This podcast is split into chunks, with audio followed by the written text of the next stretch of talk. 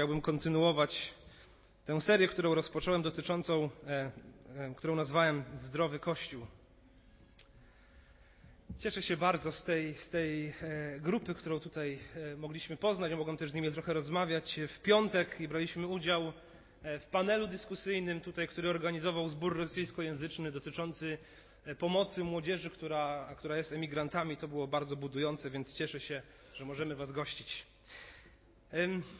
Jedną z takich najbardziej odkrywczych rzeczy dla mnie, jako, jako młodego chrześcijanina, było to, kiedy zrozumiałem, że Biblia nie jest tylko zbiorem jakichś złotych myśli, że nie jest to 66 luźno powiązanych ze sobą ksiąg, które coś tam czasami mają wspólnego, ale odkryłem to, czy zauważyłem, ktoś mi pokazał, że Biblia ma fabułę, że jest tam wątek, który zaczyna się w pierwszych rozdziałach Księgi Rodzaju, kończy się w ostatnich rozdziałach Księgi Objawienia.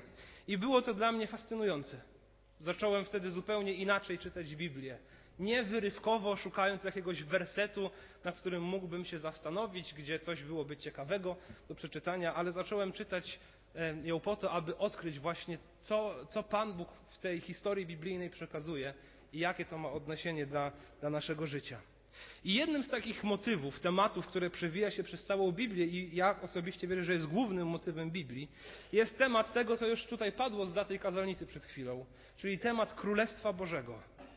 Temat Królestwa Bożego. Przewija się od samego początku do samego końca.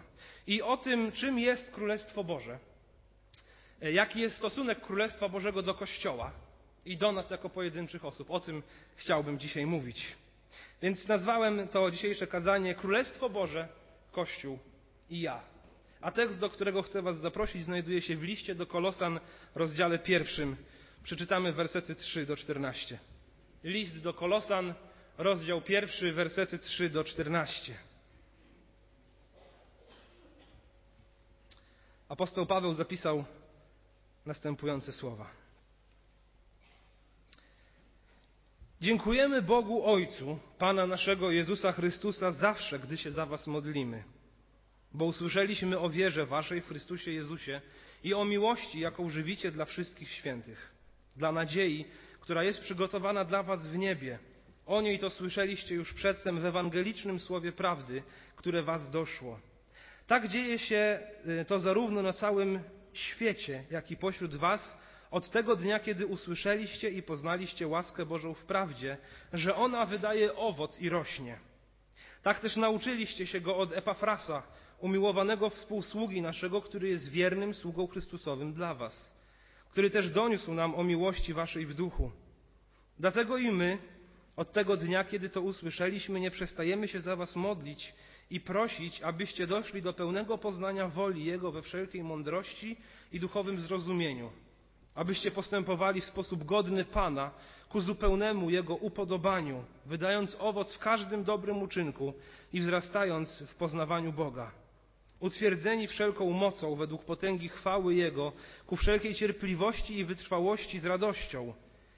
I teraz kluczowe wersety. Dziękując Ojcu, który was zdolnymi uczynił do uczestniczenia w dziedzictwie świętych światłości, który nas wyrwał z mocy ciemności i przeniósł do królestwa syna swego umiłowanego, w którym mamy odkupienie, odpuszczenie grzechów.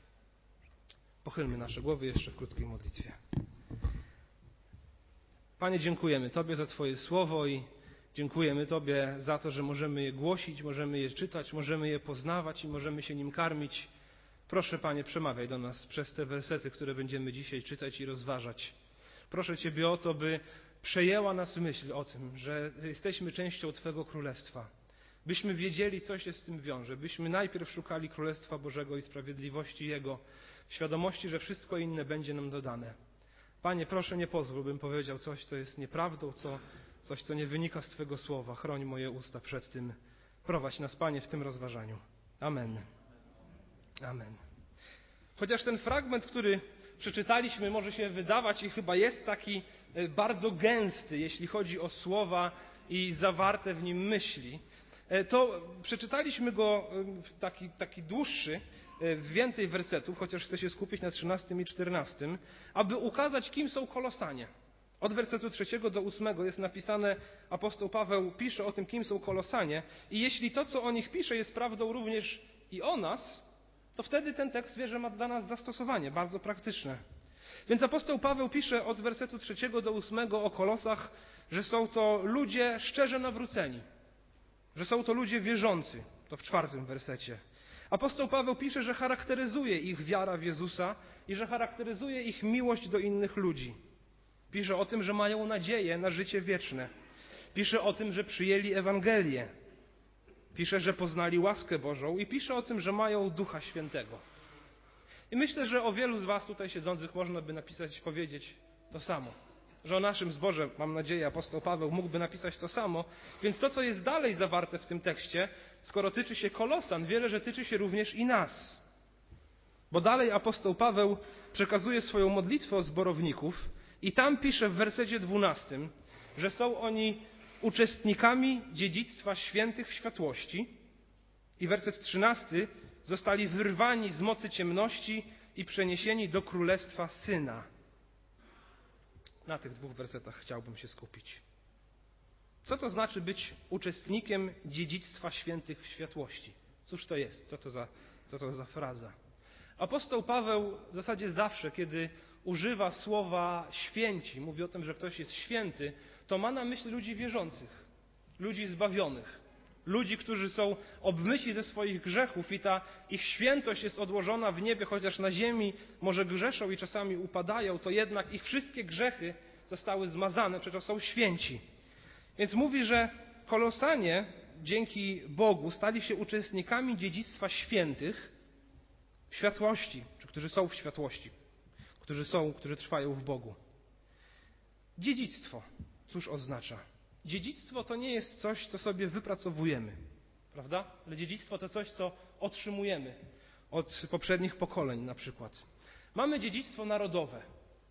Dziedzictwo narodowe, czyli dorobek e, poprzednich pokoleń, który świadczy o korzeniach i wartościach danego narodu.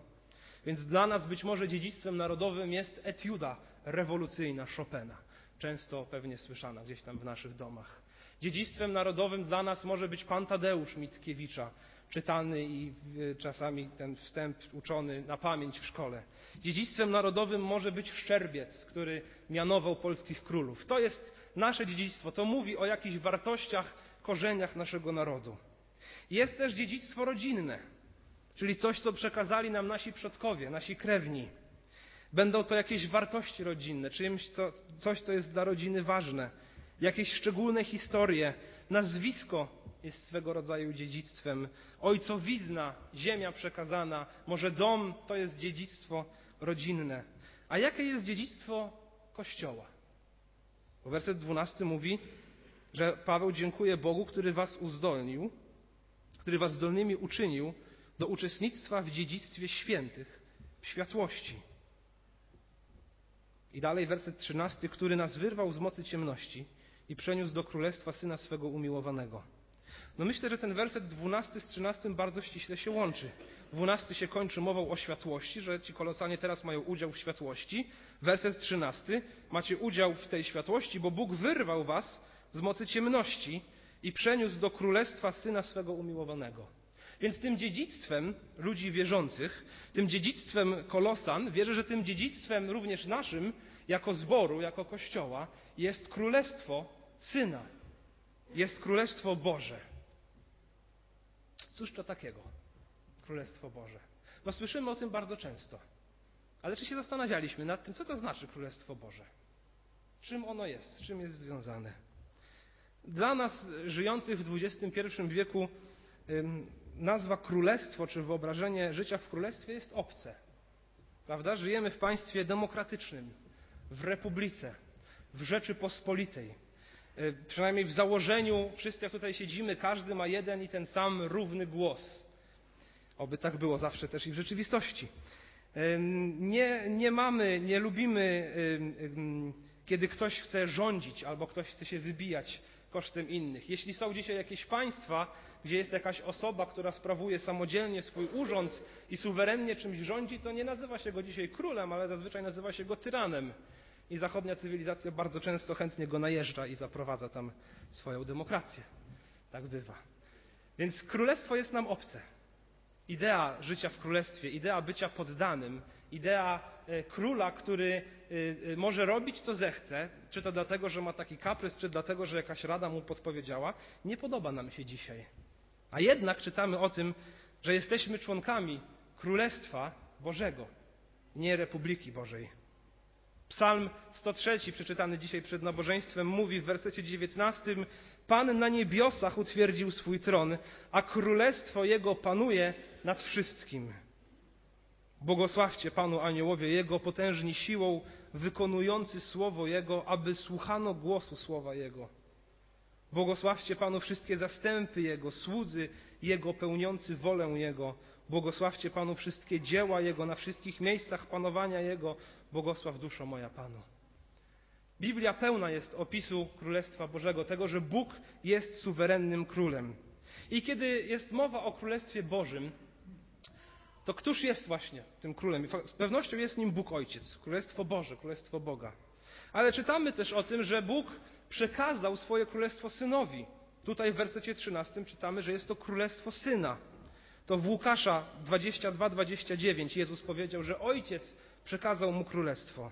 W Mateusza 28, często fragment cytowany z tej kazalnicy, Jezus mówi: Dana mi jest wszelka władza na niebie i na ziemi. Dana mi jest. Więc ktoś mu ją dał. Przekazał mu ją ojciec. Więc jest to królestwo ojca, jest to królestwo i syna. Myślę też, że warto zauważyć, że choć Bóg nad całym wszechświatem i nad każdą istotą e, włada suwerennie, to jednak nie wszędzie jest Królestwo Boże. Chociaż Bóg nad wszystkim włada, to jednak nie wszędzie to Królestwo Boże panuje. Myślę, że należy rozgraniczyć to w pewien sposób. Apostoł Paweł mówi, że, że szatan jest księciem tego świata, tej grzeszności, prawda? Ale jednocześnie wiemy, że Bóg też nad tym panuje. To jak, jak to zrozumieć? Jaki tu jest układ? Myślę, że, że Bóg owszem sprawuje swoją suwerenną władzę, ale Królestwo Boże, czy to, co jest nazywane Królestwem Bożym, jest tam, gdzie jest Bóg, który panuje, ale też gdzie są ludzie, którzy wypełniają Jego wolę. W tym się objawia Królestwo Boże. Nie ma ono żadnego zasięgu terytorialnego. Nie ma ono jakiegoś, nie ma jakiegoś organizacji czy państwa, które można utożsamić z Królestwem Bożym. Jest to Boża władza, Boże panowanie, Boża wola, na którą odpowiadają Boży ludzie. Tak bym określił Królestwo Boże. Nawet w modlitwie pańskiej tę, właśnie definicję można odnaleźć. Modlimy się wspólnie w pierwszą niedzielę miesiąca, mówiąc: Ojcze nasz, któryś jest w niebie, święć się imię Twoje, przyjdź królestwo Twoje, bądź wola Twoja, jako w niebie, tak i na ziemi. Więc co mamy w tych wersetach? Mamy informację o tym, że Bóg jest w niebie i że tam święci się Jego imię. Że tam wszystko, co jest w niebie, żyje dla Bożej chwały. Widzimy to w wielu innych fragmentach Pisma Świętego, że wszystko, co w niebie jest, jest posłuszne Bogu, oddaje Mu cześć i wypełnia Bożą wolę. I w modlitwie pańskiej mówimy, jako w niebie, tak i na ziemi. Przyjdź królestwo Twoje, bądź wola Twoja, jako w niebie, tak i na ziemi. Więc myślę, że to byłaby jakaś definicja Królestwa Bożego, że jest król, są jego poddani, którzy realizują jego wolę. W tym się, w tym zawarte jest Królestwo Boże. Więc Królestwo Boże nie jest materialne. Apostoł Paweł w Rzymian 14:17 napisał: Królestwo Boże to nie pokarm i napój, lecz sprawiedliwość i pokój i radość w Duchu Świętym. Oto Królestwo Boże. W Ewangelii Łukasza 17:20 Jezus zapytany e, przez faryzeuszów, kiedy przyjdzie Królestwo Boże, odpowiedział: Królestwo Boże nie przychodzi dostrzegalnie. Ani nie będą mówić, oto tutaj jest albo tam. Oto bowiem Królestwo Boże jest pośród Was. Więc Królestwo Boże nie jest namacalne. Jak już powiedziałem, nie jest związane ani z żadną organizacją, ani z żadnym terytorium. Królestwo Boże to, to, to Boży lud, będący, posłusz, będący posłuszny swojemu Bogu. Królestwo Boże to też nie Kościół. Nie są to synonimy. Kościół nie równa się Królestwo Boże, chociaż Kościół jest bardzo ściśle powiązany z Królestwem Bożym. Dlatego, że Królestwo Boże jest szersze niż tylko Kościół. Aniołowie i niebo należą do Królestwa Bożego, to mamy w modlitwie pańskiej. I myślę też, że Królestwo Boże widoczne jest od samego początku w Starym Testamencie. Wiem, że to kazanie może być y, naładowane taką dużą ilością jakiejś wiedzy, ale mam nadzieję, że będzie zrozumiałe i zachęcające. Więc w jaki sposób Królestwo Boże widoczne jest od początku? Zauważcie, że kiedy Pan Bóg e, stworzył Eden i postawił tam człowieka, to tam był właśnie Bóg, który im powiedział, co oni mają robić, objawił swoją wolę i Adam i Ewa byli temu posłuszni i tę wolę wypełniali. To swego rodzaju objawienie Królestwa Bożego. Później od Abrahama do Salomona mamy podobnie, gdzie Bóg powołał najpierw jednego człowieka, objawił mu swoją wolę, powiedział, czego od niego oczekuje, okazał mu miłość i Abraham to wypełniał. Później jego potomkowie, później wybrał sobie cały naród. Tam już bardzo szczegółowo przekazał swoją wolę w przykazaniach, oczekiwał posłuszeństwa i pokochał ich, powiedział, że są moi ludzie. Ale to Bóg chciał rządzić, to Bóg był tam królem pośród nich. Ale wiemy, że Izrael upadł nie potrafił wypełnić tego posłuszeństwa Bogu. Więc od kiedy pojawiają się prorocy i księgi prorockie, to tam mamy zapowiadane, że przyjdzie Królestwo Boże, że ono nastanie, że pojawi się król, że pojawi się Mesjasz, że kiedyś Pan Bóg e, będzie tym królem. I w księdze Daniela na przykład jest taka zapowiedź. Na pewno pamiętacie, kiedy Nebukadnezar miał sen Prawda? Śnił mu się posąg i tam ten posąg składał się z różnych królestw i kończył się ten sen tak, że odłamie się kamień od góry który, i to będzie królestwo, które zniszczy wszystkie inne królestwa. Daniel mówi, za dni tych królów Bóg niebios stworzy królestwo, które na wieki nie będzie zniszczone, a królestwo to nie przejdzie na inny lud, zniszczy i usunie wszystkie owe królestwa, lecz samo ostoi się na wieki. To zapowiedź Królestwa Bożego. I nagle po wielu latach pojawia się Jan Chrzciciel i mówi: Upamiętajcie się, albowiem przybliżyło się Królestwo Niebios. I niedługo potem przychodzi Jezus i mówi podobne słowa, a nawet dodaje: Królestwo Niebios już jest. Nastało pośród Was Królestwo Niebios. A nawet przekazuje swoim uczniom klucze do Królestwa Niebios, o czym mówiliśmy dwa tygodnie temu. Gdy był przesłuchiwany przez Piłata pod zarzutem rebelii, Jezus odpowiedział, że owszem, On jest królem, ale Jego królestwo nie jest z tego świata. Potem powiedział, dana mi jest wszelka władza na niebie i na ziemi, więc On ma tą władzę. Gdy uczniowie, gdy Jezus wstąpił do nieba i potem uczniowie zaczęli głosić Ewangelię, o czym czytamy w dziejach apostolskich, jest to bardzo dobry, historycznie pokazujący nam to opis. W dziejach apostolskich 8:12 czytamy, że Filip y, głosił Ewangelię i nauczał o Królestwie Bożym oraz o imieniu Jezusa Chrystusa. Wtedy zarówno mężczyźni, jak i kobiety przyjmowali chrzest. I zauważcie, zazwyczaj jest napisane, że uczniowie głosili Ewangelię o Królestwie Bożym. Jezus głosił Ewangelię o Królestwie Bożym. I mnóstwo, mnóstwo przypowieści z tym Królestwem Bożym jest związane. Więc Królestwo Boże obecne jest pośród ludzi, którzy kochają Boga, którzy chcą być posłuszni Jego woli, którzy oddali swoje życie Jemu, służą Jemu. Tam Pan Bóg realizuje tą swoją wolę. Tam jest Królestwo Boże. Zostało ono zainaugurowane w czasie ziemskiej służby Jezusa, a czekamy na Jego pełnię, kiedy On powróci tutaj po raz drugi na nasz świat. I myślę, że tutaj warto się na chwilę zastanowić. Zobaczcie, jak wielki to jest temat. O tym można by naprawdę książki pisać, o temacie Królestwa Bożego. I czytamy o tym, że uczniowie i Jezus głosili Ewangelię o Królestwie Bożym. A czy słyszeliście kiedyś w ostatnim czasie zwiastowanie Ewangelii o Królestwie Bożym? Raczej rzadko się zdarza, prawda? Raczej my mówimy przesłanie Ewangelii o przebaczeniu grzechów. Mówimy przesłanie Ewangelii o, o Jezusie jako baranku Bożym. Często głosimy tę Ewangelię tak trochę apologetycznie, chcąc pokazać, że ta nasza wiara też ma bardzo silne e, takie korzenie, że można ją w jakiś sposób udowodnić czy argumentować, ale rzadko słyszałem zwiastowanie Ewangelii o Królestwie Bożym. Myślę, że to, że to nie jest coś złego. To chyba są dwie strony tej samej monety. Ewangelia o Królestwie Bożym, a Ewangelia o przebaczeniu grzechów w Jezusie Chrystusie. Sednem przecież jednego i drugiego jest Jezus Chrystus. Jego, y, to, że On jest Panem, któremu należy oddać swoje życie i że ten Pan umarł na krzyżu, aby wybawić swój lud. Ale miejmy świadomość, że kiedy głosimy Ewangelię, często mówimy o osobistej więzi, którą możemy mieć z Bogiem. To jest prawda, zdecydowanie. Ale nie zapominajmy też o tym, że tu jest coś więcej niż tylko ja i Bóg. Że jest Królestwo Boże, które trwa od początku świata i będzie trwało do końca świata, a potem jeszcze dużo, długo, długo, długo więcej.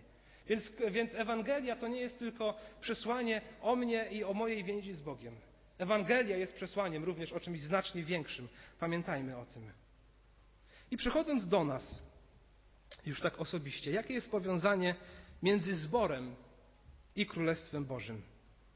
Jeśli jesteśmy e, ludźmi, którzy są posłuszni Bogu, którzy chcą pełnić Jego wolę, którzy głoszą Jego Ewangelię, którzy powierzyli Jemu swoje życie i On jest naszym królem, jeśli żyjemy wedle tej Jego woli, objawionej nam w Słowie Bożym, jeśli jesteśmy Jego poddanymi, jako pojedyncze osoby i jako zbór, to wierzę, że Królestwo Boże jest pośród nas, że jesteśmy częścią Królestwa Bożego. I myślę, że najlepszym obrazem relacji między zborem a Królestwem Bożym jest obraz ambasady. Że zbór powinien być ambasadą Królestwa Bożego. Ambasada reprezentuje jakieś państwo w innym państwie.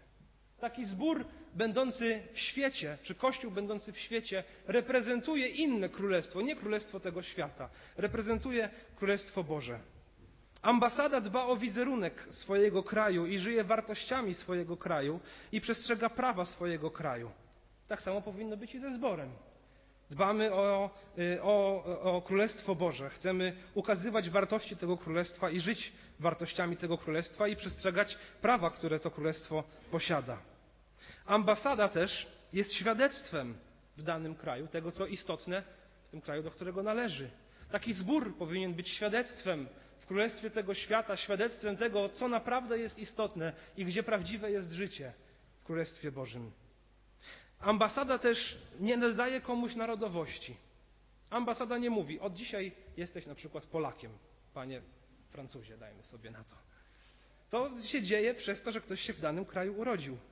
Taki kościół sam z siebie nie nadaje nikomu, czy nie może nikogo powołać do życia duchowego. To robi Pan Bóg. To Duch Święty przez Ewangelię zmienia jego serce. Ale Kościół, jako ta ambasada, może to potwierdzić. I mówi: Widzimy Twoje wyznanie wiary, słyszeliśmy Twoje wyznanie wiary, widzimy Twoje życie. W naszym rozumieniu potwierdzamy Twoje obywatelstwo, że jesteś obywatelem Królestwa Niebios. I oczywiście to nie jest doskonała analogia.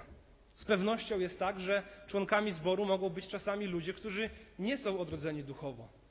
Może być też tak, że jest, są inni ludzie, którzy kochają Boga i są częścią Królestwa Bożego, a są poza zborem. Myślę, że to warto zauważyć. Więc Kościół to nie Królestwo Boże. Kościół nie równa się Królestwo Boże, chociaż Kościół jest i jest zbór, jest częścią Królestwa Bożego. Jezus i apostołowie głosili Ewangelię o Królestwie, nie o Kościele. Królestwo Boże tworzy Kościół, a nie odwrotnie. I gdy ktoś staje się częścią Królestwa, to dołącza do Kościoła. I Kościół ma być świadectwem Królestwa Bożego. A dla Kościoła powinno liczyć się to samo, co liczy się dla Królestwa Bożego. A są to zupełnie inne wartości niż wartości królestw tego świata. Wartości Królestwa Bożego i tymi wartościami powinien żyć Kościół. Są to zupełnie inne wartości niż wartości królestw tego świata. Jezus mówi: Błogosławieni ubodzy w duchu, albowiem ich jest Królestwo Niebios. Jezus mówi: Błogosławieni, którzy cierpią prześladowanie z powodu sprawiedliwości, albowiem ich jest Królestwo Niebios. W Królestwie Niebios pierwsi stają się ostatnimi, a ostatni, ci, którzy są na końcu, ci stają się pierwszymi. W Królestwie Niebios największą wartość mają ci, którzy w oczach świata są najmniej wartościowi. Ci natomiast, którzy w świecie są podziwiani, tym bardzo trudno wejść do Królestwa Niebios. Do Królestwa Niebios nie wchodzi się przez urodzenie. Do Królestwa Niebios wchodzi się przez posłuszeństwo Ewangelii. W Królestwie Niebios stajesz się wielki poprzez służbę i przez to, że innych stawiasz wyżej od siebie i że innym służysz, a nie, że inni Tobie służą. Królestwo Niebios nie ogranicza się do narodowości, do koloru skóry czy do płci, ale udział może mieć w nim każdy, kto chce służyć jednemu królowi, którym jest Jezus Chrystus. Królestwo Niebios nie jest agresywne, ani nie jest ono zbójeckie, ale jest to królestwo pokory i królestwo nadstawienia drugiego policzka. To wiedzie prym w Królestwie Niebios. Królestwo Niebios ma bardzo wysokie standardy moralne. Nie ma tam miejsca na ukrywanie czegoś. Nie ma tam miejsca na pobłażanie sobie. Ono wymaga od człowieka znacznie więcej niż jakiekolwiek inne prawo. Królestwo niebios to też królestwo przebaczenia i łaski. Nikt z nas nie zasługuje na to, aby znaleźć się w Królestwie Niebios. Ani nikt z nas nie jest w stanie podtrzymać siebie samego w Królestwie Niebios. Królestwo Niebios to łaska Króla, który przychodzi do człowieka, który usłyszał wezwanie Ewangelii, pada przed nim na kolana, wyznaje swój grzech i mówi: Panie, chcę żyć dla Ciebie, a nie dla siebie. To cechuje Królestwo Niebios. Królestwo Niebios nie zdobywa też świata zbrojnie, jak czynią to inne królestwa, ale zdobywa świat przez głoszenie Ewangelii. Nie bierze niewolników, ale oferuje miłość, radość i pokój w Duchu Świętym. Żadne inne królestwo takie nie jest i żadne inne nigdy nie będzie się z nim równać. I stąd płynie jeden wniosek dla nas. Szukajcie najpierw Królestwa Bożego i sprawiedliwości Jego, a wszystko inne będzie Wam dodane. Szukajcie najpierw, jako pojedyncze osoby, jako rodziny, jako zbór. Szukajcie najpierw Królestwa Bożego i sprawiedliwości Jego, a wszystko inne będzie Wam dodane. Od otwarcia swoich oczu o poranku, po zamknięcie swoich oczu, kiedy kładziemy się spać. Od wyjścia do pracy, do powrotu do domu, od wejścia do domu do położenia się w łóżku, szukajcie najpierw Królestwa Bożego i sprawiedliwości Jego. Od niedzielnego wyjścia z kaplicy, w kawiarence, na grupach biblijnych, na herbatce seniora, na grupie młodzieżowej, na spotkaniu studenckim, na grupie małżeństw, na zborowej szkole biblijnej, na próbie chóru, na próbie zespołu, w księgarni szukajcie najpierw Królestwa Bożego i sprawiedliwości Jego, a wszystko inne będzie Wam dodane. To jest nasze dziedzictwo jako ludzi wierzących. Królestwo Niebios, które objawiało się od samego początku Biblii, od samego początku stworzenia świata, które w pełni nastanie, gdy powróci nasz Pan Jezus Chrystus, a które teraz zostało zainaugurowane. Odziedziczyliśmy je. Przeto szukajmy Królestwa Bożego i sprawiedliwości Jego. Więc drodzy, chcę się do Was, do siebie samego zwrócić z kilkoma pytaniami.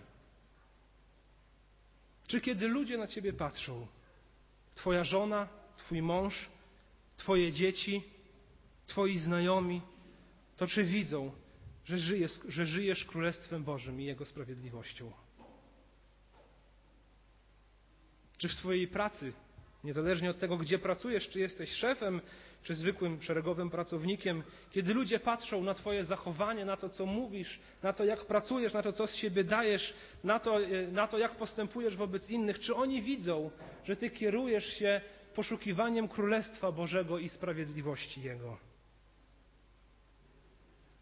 Czy ludzie wchodzący do naszego zboru, którzy być może są tutaj dzisiaj po raz pierwszy, kiedy rozejrzą się po tych krzesłach, po tych rzędach tu na dole i tam na górze, kiedy usłyszą te pieśni, które śpiewamy, które usłyszą modlitwy, które wypowiadamy, które usłyszą zwiastowanie Słowa Bożego. Czy oni tutaj usłyszą i zobaczą Królestwo Boże i Jego sprawiedliwość? Myślę, że tak bardzo często jako ludzie staramy się i zabiegamy o to, by przypodobać się Królestwu tego świata. Niecelowo, to jakoś siedzi w nas. Zastanawiamy się, co o nas myślą sąsiedzi, co o nas myślą znajomi, nawet czy dobrze wypadamy w oczach ludzi, których mijamy na ulicy. Drodzy, jakże zupełnie powinniśmy często przewartościować swoje myślenie. Królestwo tego świata przemija. Królestwo niebios będzie trwać wiecznie. Niech Królestwo niebios jest w nas głęboko zakorzenione, w naszych sercach, w naszych rodzinach, w naszych domach, w naszej pracy, w naszym zborze. Jeśli nie jesteśmy ambasadą Królestwa Niebios, nie jesteśmy Kościołem Bożym i nie jesteśmy Kościołem Pańskim. Zastanówmy się nad tym i szukajmy Królestwa Bożego i sprawiedliwości Jego w uniżeniu. Jeśli nie jesteś częścią tego Królestwa, ale e, rozumiesz wezwanie Ewangelii i rozumiesz, że, że, że życie w tym świecie tak naprawdę do niczego dobrego nie doprowadzi, przyjdź do Króla. uklęknij przed Nim, wyznaj Mu swój grzech i proś o to, by włączył On do, do Ciebie do swego świętego królestwa. Jeśli jesteś członkiem tego królestwa, ale widzisz, że gdzieś ostatnio się zagubiłeś, że, że, że w domu nie zachowujesz się, nie praktykujesz kultury Królestwa Bożego, że w pracy ciężko na ciebie popatrzeć i powiedzieć, że ty jesteś nie z tego świata, ale z innego, jak powiedział o sobie Jezus. Przyjdź do Jezusa, padnij przed królem na kolana, wyznaj mu swój grzech i idź wiernie za nim. Ty poznając Jego wolę, będąc posłusznym Jego duchowi, udzielając się w ambasadzie Królestwa Niebios z innymi obywatelami tego Królestwa. Odziedziczyliśmy je, kiedy zaufaliśmy Ewangelii, więc godnie je reprezentujmy. Niech ono stanowi naszą pierwszą i najważniejszą tożsamość. O to zabiegajmy i o to się troszczmy, zbudowani na fundamencie Pisma Świętego, apostołów i proroków, którego kamieniem węgielnym jest Jezus Chrystus. Więc podsumowując wszystko, mówiliśmy o Królestwie Bożym, że Królestwo to Król, Bóg, Jezus, to są Jego poddani, którzy wykonują Jego wolę. Że Królestwo Boże jest szersze niż Kościół. Że Królestwo Boże jest w niebie, Królestwo Boże też od początku istnienia świata objawiało się w różny sposób, ale w pełni nastało za czasów ziemskiej służby Jezusa, czy zostało zainaugurowane za czasów ziemskiej służby Jezusa, a w pełni nastanie wraz z Jego powrotem. Mówiliśmy o tym, że jest to dziedzictwo Kościoła, dziedzictwo ludzi wierzących. Czekamy na Jego wypełnienie. Mówiliśmy o tym, że Kościół powinien być ambasadą Królestwa Bożego. I z tego wszystkiego płynie jeden wniosek. Szukajcie najpierw Królestwa Bożego i sprawiedliwości Jego, a wszystko inne będzie Wam dodane. Dlatego i my od tego dnia, kiedy to usłyszeliśmy, nie przestajemy się za Was modlić i prosić, abyście doszli do pełnego poznania woli Jego, we wszelkiej mądrości i duchowym zrozumieniu. Abyście postępowali w sposób godny Pana, ku zupełnemu Jego upodobaniu, wydając owoc w każdym dobrym uczynku i wzrastając w poznawaniu Boga. Utwierdzeni wszelką mocą, według potęgi chwały Jego, ku wszelkiej cierpliwości i wytrwałości, z radością dziękując Ojcu, który was zdolnymi uczynił do uczestniczenia w dziedzictwie świętych w światłości, który nas wyrwał z mocy ciemności i przeniósł do królestwa Syna swego umiłowanego, w którym mamy odkupienie, odpuszczenie grzechów. Amen.